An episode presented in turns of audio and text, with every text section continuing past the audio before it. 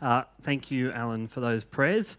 Uh, now, the Bible reading seems so long ago now, uh, but when you heard the words and, what was happening uh, in Ezra chapter 10 as we read it, I wonder what you thought. Because this notion of divorcing foreign wives and then sending them away really, at best, seems strange. But I think you would have also noticed in Ezra 10 that there was a d- difficult decision that needed to be made. So after reading this passage, I actually thought to myself, how do we make really difficult decisions? How do we make really difficult decisions? Now, we've seen recently in the media a person by the name of Andrew Thorburn make a difficult decision between being a CEO of an AFL club or remaining as a lay leader at his Anglican church. Now, I'm not quite sure if you've heard about this story, uh, but Andrew Thorburn was the CEO of the Essendon AFL club for one day. For one day. But it seems that once Andrew Thorburn was announced as the CEO, journalists went to look to find dirt on him. And they found it in a strange place on his church's website. But the stranger thing was that they found a sermon which was 13 years old, which was preached by the senior minister on topics which I think are very weighty, like same sex attraction, marriage, and also abortion.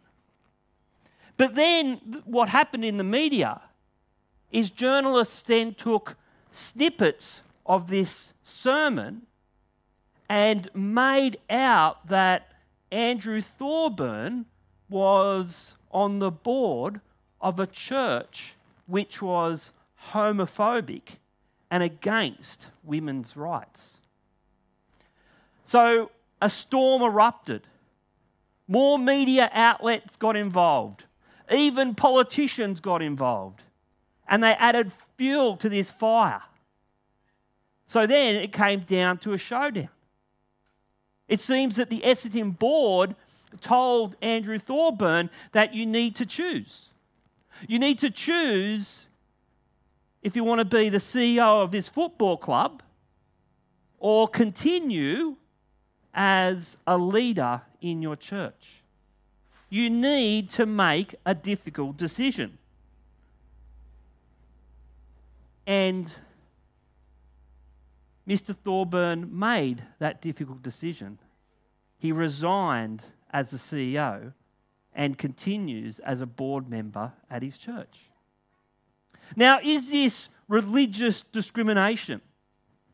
Well, maybe.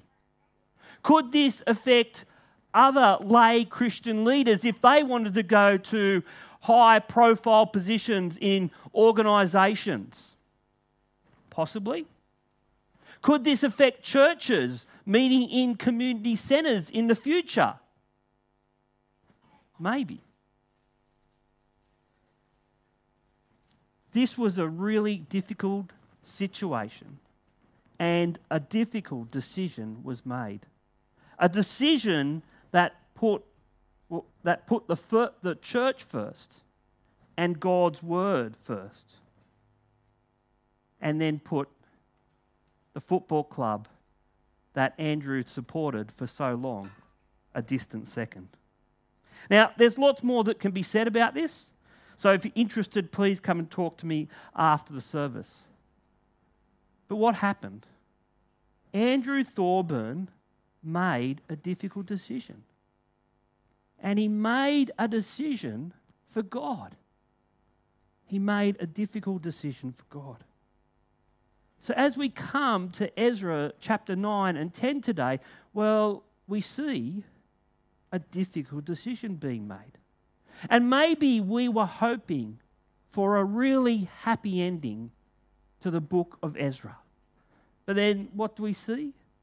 Well, we see a story about sin. We see Ezra pray. And then we see a long list of Israel's leaders and other people who have actually committed these sins.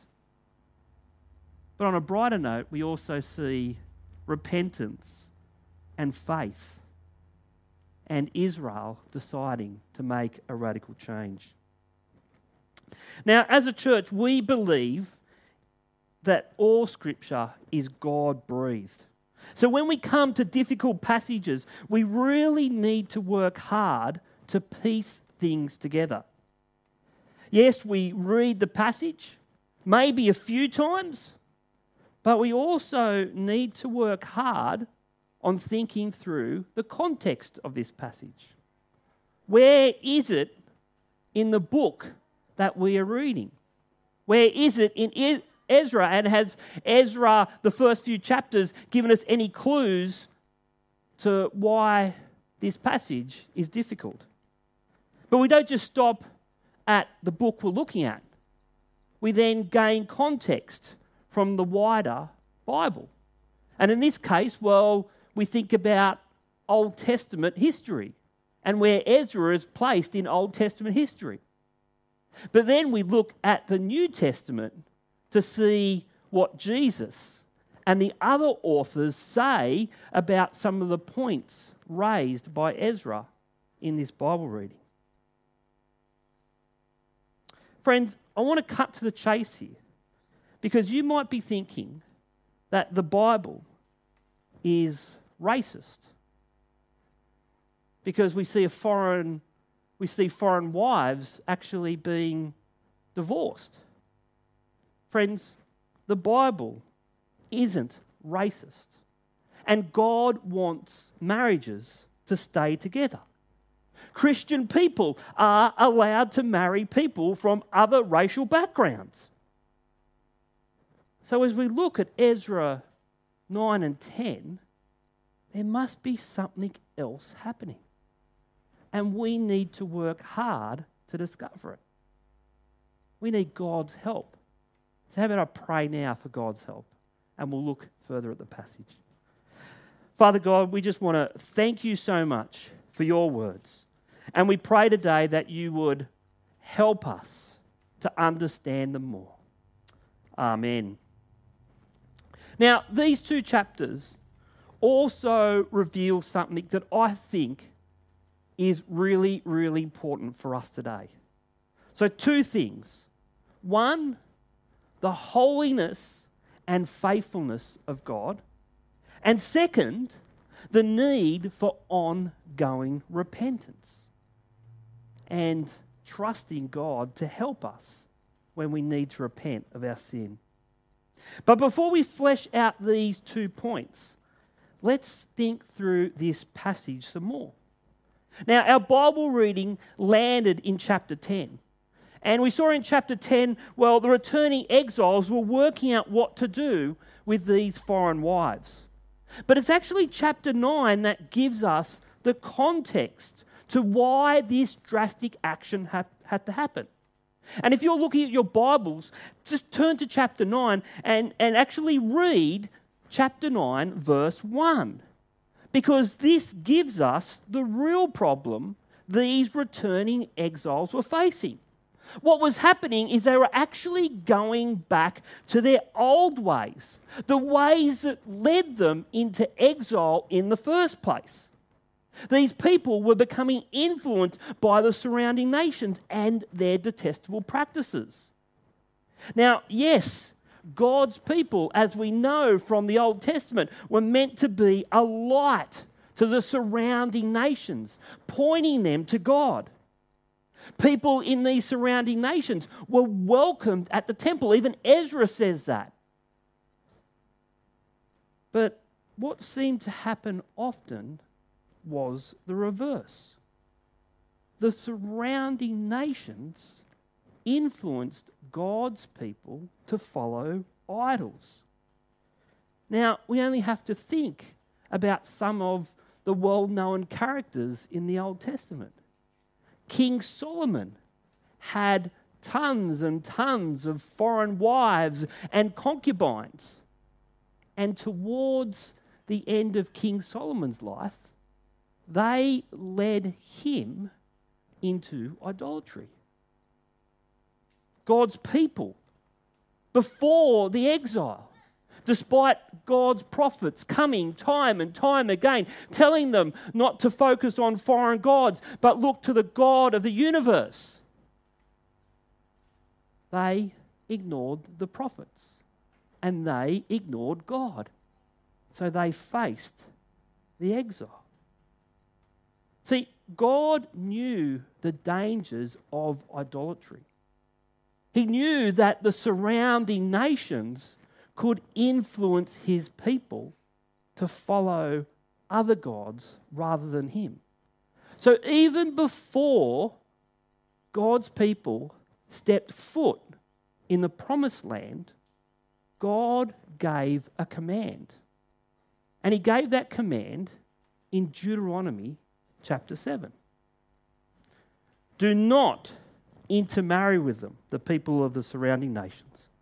Do not give your daughters to their sons, or take their daughters for your sons, for they will turn your children away from me to serve other gods, and the Lord's anger will burn against you and will quickly destroy you. Friends, the people of the surrounding nations did do detestable things by any standards when they worshipped their gods.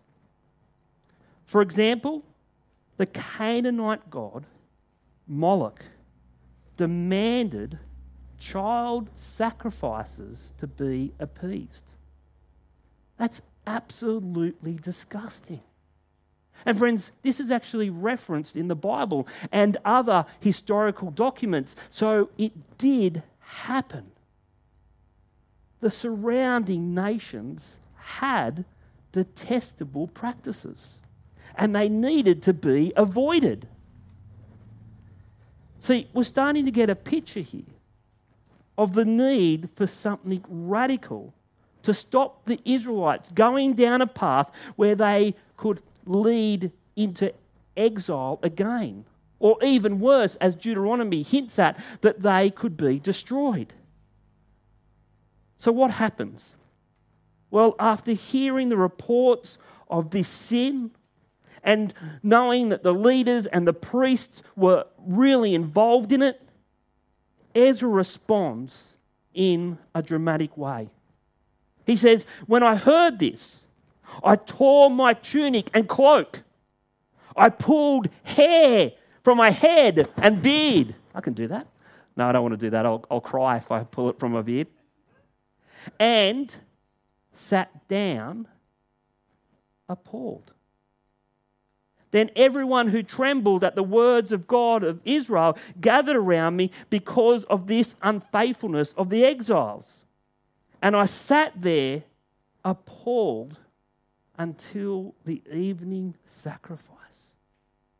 Ezra is appalled. He's appalled at the sin that has happened. He's grieving. But also, when we read the second part of this passage, we see that Ezra the priest has actually had some success in teaching God's word to the people because others come and join him in his grief. And what does Ezra do? Well, his grief leads him to pray. And that prayer is written in the Bible. He prays to a holy and faithful God. He prays at the evening sacrifice, which is a very significant time when the daily sacrifice for the atonement of sins was made. A sacrifice that pointed to the fact that it was only God who could forgive sins. And this could only be done by a special sacrifice. Ezra realizes the holiness of God as he approaches him in prayer. But there's something strange here, isn't there? Because Ezra actually didn't take part in the sin. He didn't take part in it. Other priests did, other leaders did, other peoples did, but he never married a foreign wife. But as a priest, he represents the whole nation. So he prays for them.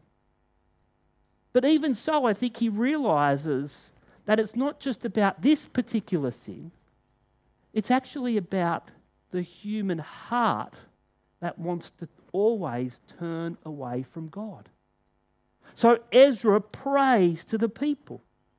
He prays for, to, for everyone and he acknowledges that God is holy and faithful. And in verses 8 and 9, he also recognizes God's special grace, his undeserved kindness towards his people. God provides a remnant to return to the promised land, to rebuild the temple and their religion. God turns the heart of the Persian kings who provide for the returning exiles with money, food, and resources to build the temple. And this remnant is given protection. This remnant is also given new life, a chance to live God's way. See, in the midst of sin and guilt, we're reminded of grace and new life. And this should be something that is familiar to us, friends. See, in a sinful and broken world, we've been given grace and new life when we come to trust in Jesus. Friends, are you getting the sense that God is holy and faithful? God is holy and faithful. And Ezra concludes his prayers with these words in verse 15 Lord, the God of Israel, you are righteous. We are left this day as a remnant. Here we are before you in our guilt. Though because of it, none of us can stand in your presence. God is the only perfect and righteous one. And because of who He is, He actually chooses us to come into His presence. Not because we've done anything to deserve a relationship with Him. We're guilty of sin just like the Israelites were. But we also live on the other side of the cross, where we can see God's love and grace displayed in Jesus. See, Romans chapter 5 says this just at the right time, when we were still powerless, Christ died for the ungodly. Christ died for us. Christ dies for the sins of the world. Christ dies to set us, the guilty ones, free.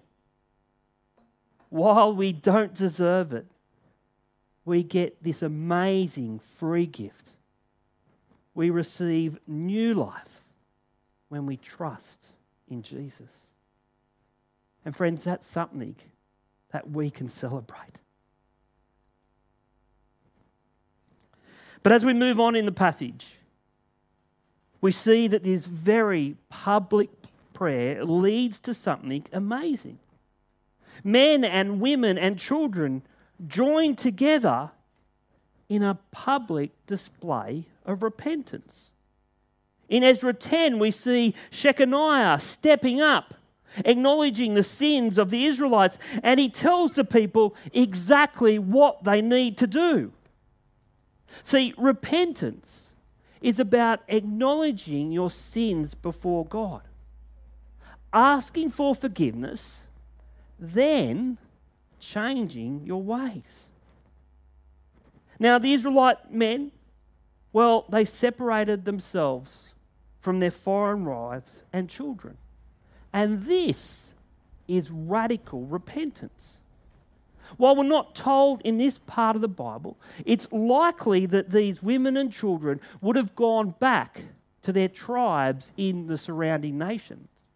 And if they couldn't do that, well, they'd be treated like a widow, and Israelites would actually look after them.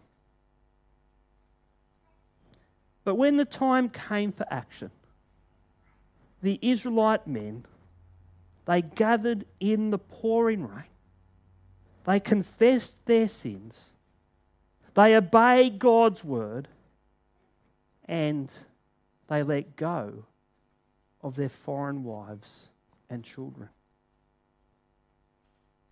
Friends, this is a difficult passage. And I want to finish today by looking at what God's Word says in the New Testament about some difficult topics like marriage and divorce, and also personal holiness. I'll spend a little bit more time on marriage and divorce. First, for Christians, marriage to an unbeliever actually isn't forbidden in the New Testament. You won't find a command in the New Testament that says this. But what we need to think about, thinking about all the information that's in the Bible, is marriage to an unbeliever a wise thing? Is it a wise thing? Like anyone with a different world view to you, you know that there'll be difficulties when you or the other person comes to express their worldview, even in word or in action. We just have to think about today the culture wars over gender and sexuality. These things that actually got Andrew Thorburn in trouble. See, the Christian worldview is very different from the secular society. So much so that we're actually called names in the media like homophobic or being a bigot for following God's word on these issues. And friends, I don't know about you, but I actually scratch my head when I hear this. Because when I read the Bible, it tells me that Christians are meant to respect all people as made in God's image. And the Bible actually doesn't focus on sexuality and gender. What it focuses, focuses on as the most important thing is Jesus and having a relationship with Him. Jesus is the most important. And see, worldview difficulties can just make a marriage relationship between a believer and an unbeliever really difficult. And over the long haul, it can actually affect others who you love as well. Now, I know this is complex because some people think that they married a believer to find out maybe a decade later that the person they married actually doesn't trust in Jesus. Some people marry unbelievers but over time, the Holy Spirit works in their spouse's heart and they actually come to trust in Jesus. In 1 Corinthians chapter 7, verses 10 to 16, the Apostle Paul encourages married couples to stay together. Even if you're married to an unbeliever, the Apostle Paul says stay together. But we also need to acknowledge that the Bible doesn't say stay married if one or both the parties in the marriage decide to no longer honour their marriage promises and refuse to repent for what they have done. So, for example, if a partner is unfaithful with another person, or if there's domestic violence in the marriage and there's no repentance and there's no change, then separation or even divorce becomes an option. Now, these circumstances are deeply, deeply personal. So there's no simple answer, there's no easy solution. It's not one size fits all. No, it requires wisdom and prayer and understanding. So, if you're a person today that has ever experienced any of these issues in your marriage, can I tell you that it's really important that you talk to someone who you trust? Because you need to do that. Yes, God wants our marriages to stay together. But there are some exceptions that are deeply, deeply personal that you need to seek counseling and wise judgment about. Lastly, today we've heard the need for personal holiness because we trust in a holy God. 1 Peter chap- chapter 1 verses 14 to 16 says, as obedient ch- children, do not conform to the evil desires you had when you lived in ignorance. But just as He who called you is holy, so be holy in all you do. For it is written, Be holy, because I am holy. We need to live holy lives in worship of the God of the universe. And as Jesus says when he speaks figuratively of poking out your eye or cutting off your hand in Matthew 5, sometimes radical action needs to happen to cut sin out of your life, to get rid of it so that you can honor God and live a holy life following Him. Friends, repentance and faith are so important. And as a church, we need to collectively acknowledge our sinfulness. And we'll do that in the Lord's Supper really soon. But individually, we need to confess our sins regularly, asking God for forgiveness and then changing our ways. Changing our ways through the help of the Holy Spirit that lives in every believer. And when we do this, when we confess our sins, when we repent, when we change. Well, actually, this is a step of faith.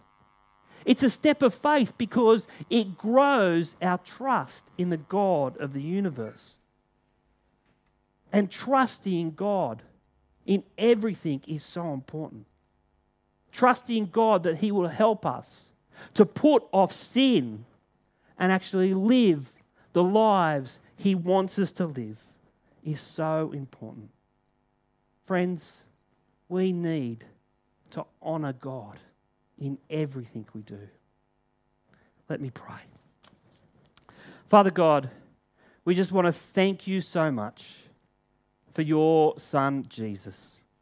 We want to thank you for the blessing that He is to us, that He has died on the cross for our sins that we are forgiven because of his bloodshed. Father God, we know that dealing with sin in all forms is difficult. We ourselves are sinful, we know that. And we know that you are a God who loves and forgiveness, forgives us. But we also know that other people are sinful and have done things against us. Father God, help us to deal with these things. Help us to look to you. Help us to grow in you. Help us to trust in your Son every day of our lives and in everything we do. Amen.